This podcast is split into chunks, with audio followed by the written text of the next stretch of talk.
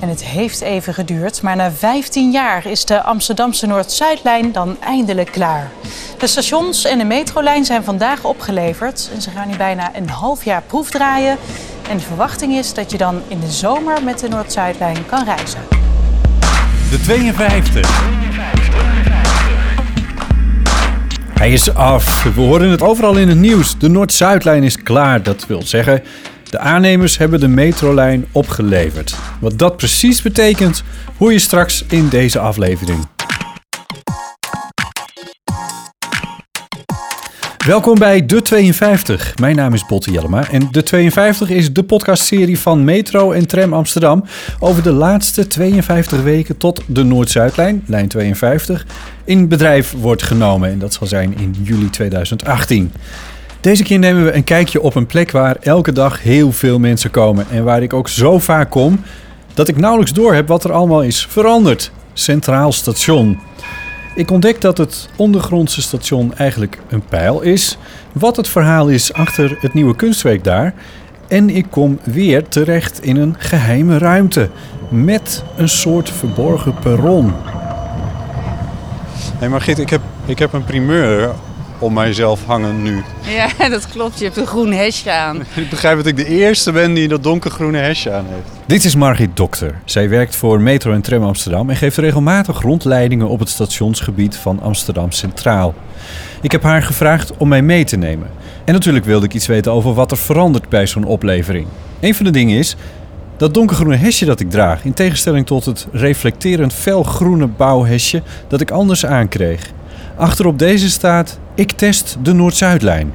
We, zijn, we zijn nu over, dus eh, we zijn over eh, op proefbedrijf 1. Dat betekent dat de metro's getest worden. En, eh, Ja, dat was, Ja. dat was groot in het nieuws. NOS en alles was hier.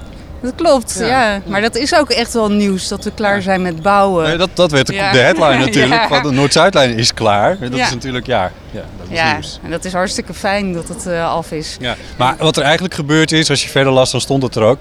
Ehm, het is overgedragen. Dus de, de, de, het bouwbedrijf heeft, ja, wat is dat? Het eigendom of, of wat? Heeft overgedragen aan GVB waar, of aan Metro en Tram? Aan Metro en Tram, de afdeling eigendom en beheer. Dus die gaan nu kijken van, eh, ja, hoe gaat dat nu als alles... eh, ze gaan eigenlijk testen alsof het echt is, alleen eh, zonder reizigers. Ja. Dus dan gaan ze met de metro's rijden. Ja. de maar dat gebeurde toch al een tijdje?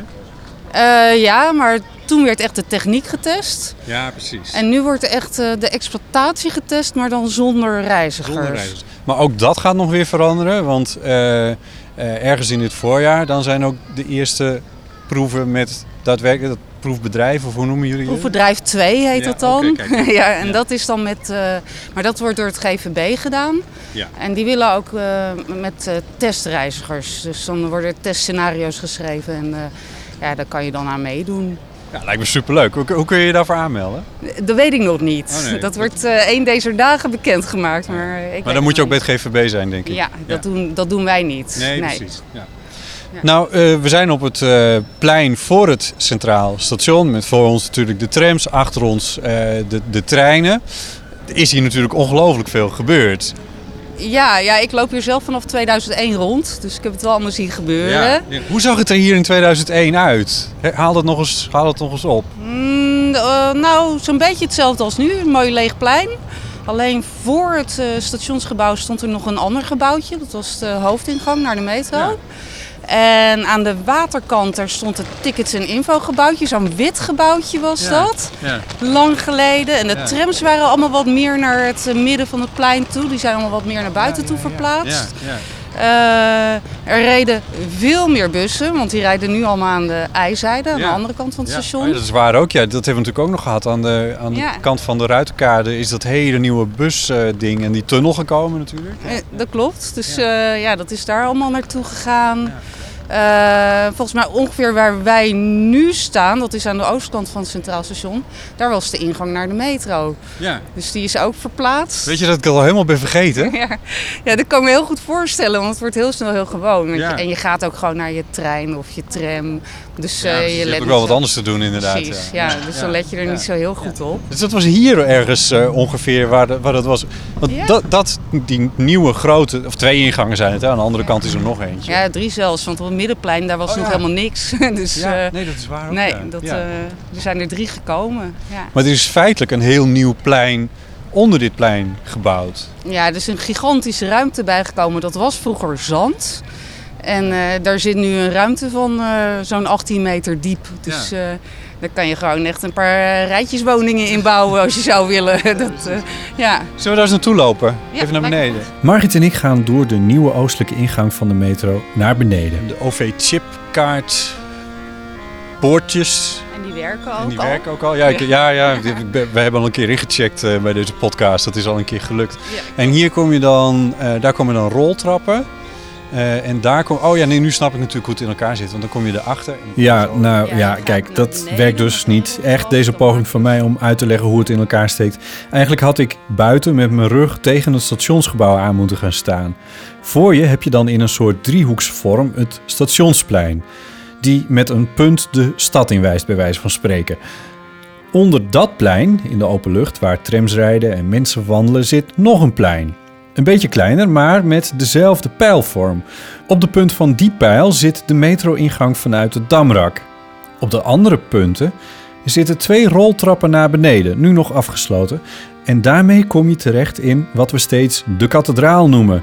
Die heeft ook weer diezelfde driehoeksvorm, maar nu met in de richting van de pijl de rails van de Noord-Zuidlijn. Daar gaan we straks verder. Op de middelste vloer is vorige maand een kunstwerk onthuld. Daar was ik ook even bij.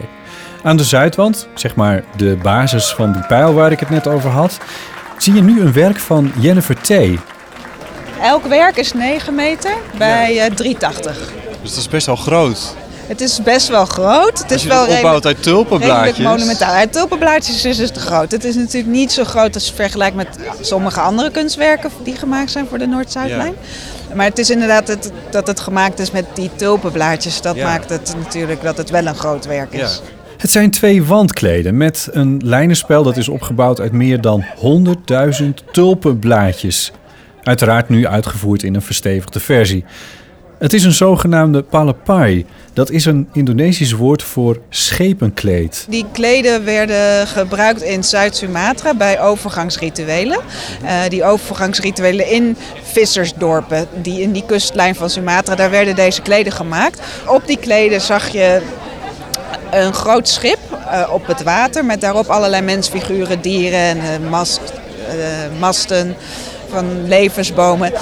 En die maken een reis van het hier naar het hiernamaals. Of naar de, een, een reis. Een overgang. Een overgang. En die, die kleden werden opgespannen tijdens eh, bijvoorbeeld overlijdings- eh, of, of eh, trouwerijen of geboortes. Daar werden die eh, waarschijnlijk bij gebruikt. Dit kunstwerk op het Centraal Station verbeeldt de verbinding met de wereld heel gepast op die plek. Jennifer's kleden hebben pijlen, kruisen en abstracte motieven, maar ook verbeeldingen van grachtenpanden, boten en metro's. En voor mij waren dan die kleden ook, eh, eh, of die schepen eigenlijk, verbinding van de geschiedenis van Amsterdam, die natuurlijk altijd het zee, de zee op zijn gegaan om de, de wereld te ontdekken. Maar ook de, de, de reis van mij en mijn familie, eh, die uit Indonesië komen naar Nederland toe. Kun je daar nog iets meer over vertellen? Want dit moet voor jou toch wel ook een soort persoonlijk werk zijn wat dat betreft. Ja, dus eigenlijk- is het bij, voor mij met veel kunstwerken zo dat je gaat eigenlijk uit van gedachten en dan kom je er vanzelf achter dat die gedachten vaak voortkomen uit persoonlijke interesses natuurlijk.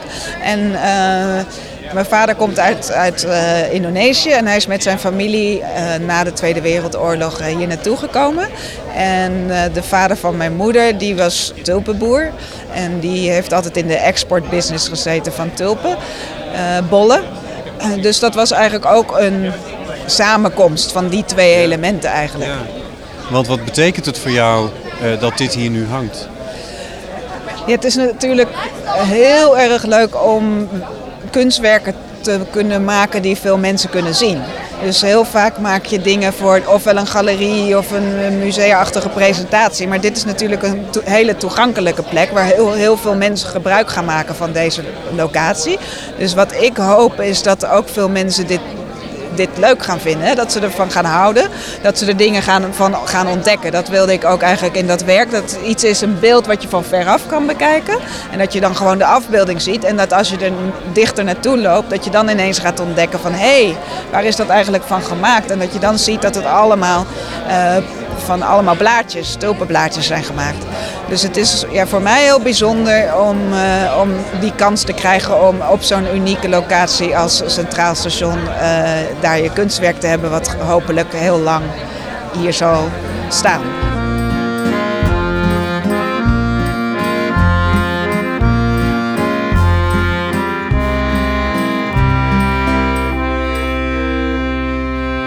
Met Margit Dokter ga ik nog een verdieping naar beneden. Nu nog via een soort servicetrap.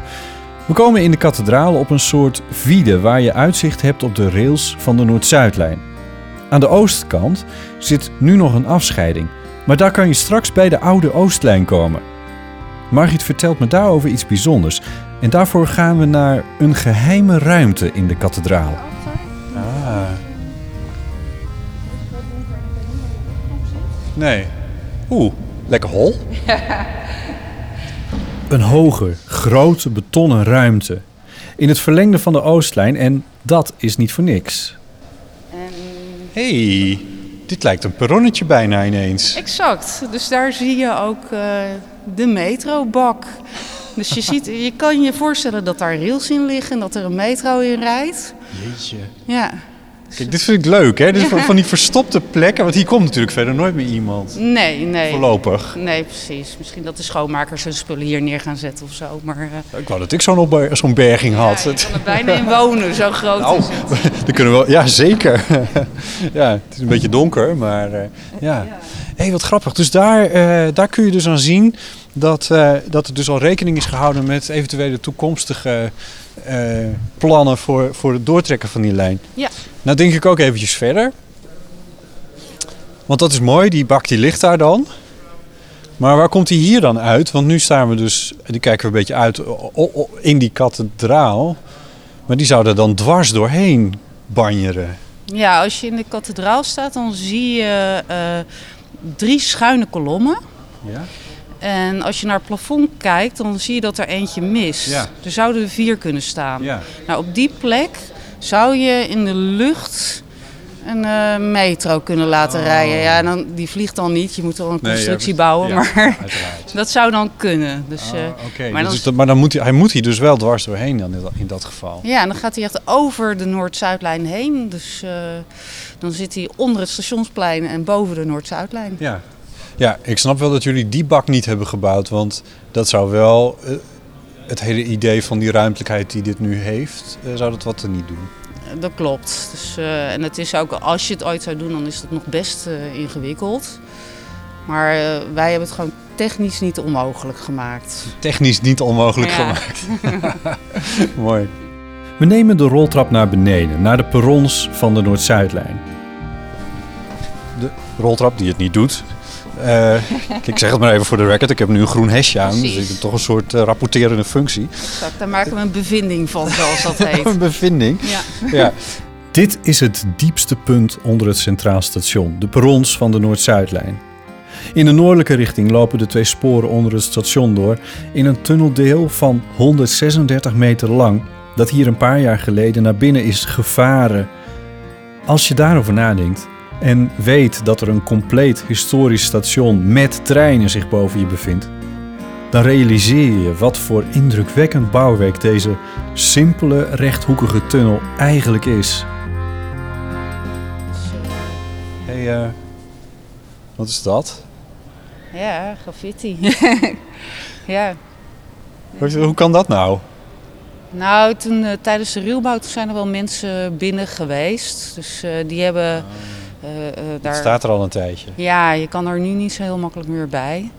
En het is nu ook levensgevaarlijk trouwens om er te komen. Ja. ja. als je kijkt naar die tunnel onder Centraal Station. Uh, nu is het mooi afgewerkt met glazen panelen op de wanden. Ja.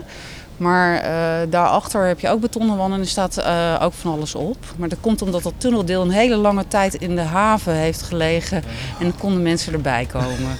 Dus toen hebben ze hun handtekening achtergelaten. Dat wordt natuurlijk fantastisch als ze dat over eh 50 jaar gaan renoveren. En dan zien ze ineens dat er, van, eh, dat er allemaal muurtekeningen achter de, ja. achter de be- be- glazen beplating zit. Ja, buffels en bizons. eh, kampvuur. Grappig. Ja. Dit was het voor deze aflevering van De 52 van Metro en Tram Amsterdam. Vergeet niet je te abonneren op deze podcast, zodat je kan zien wanneer de volgende online staat. Tot dan! De 52. De podcast De 52 wordt gemaakt in opdracht van Metro en Tram Amsterdam.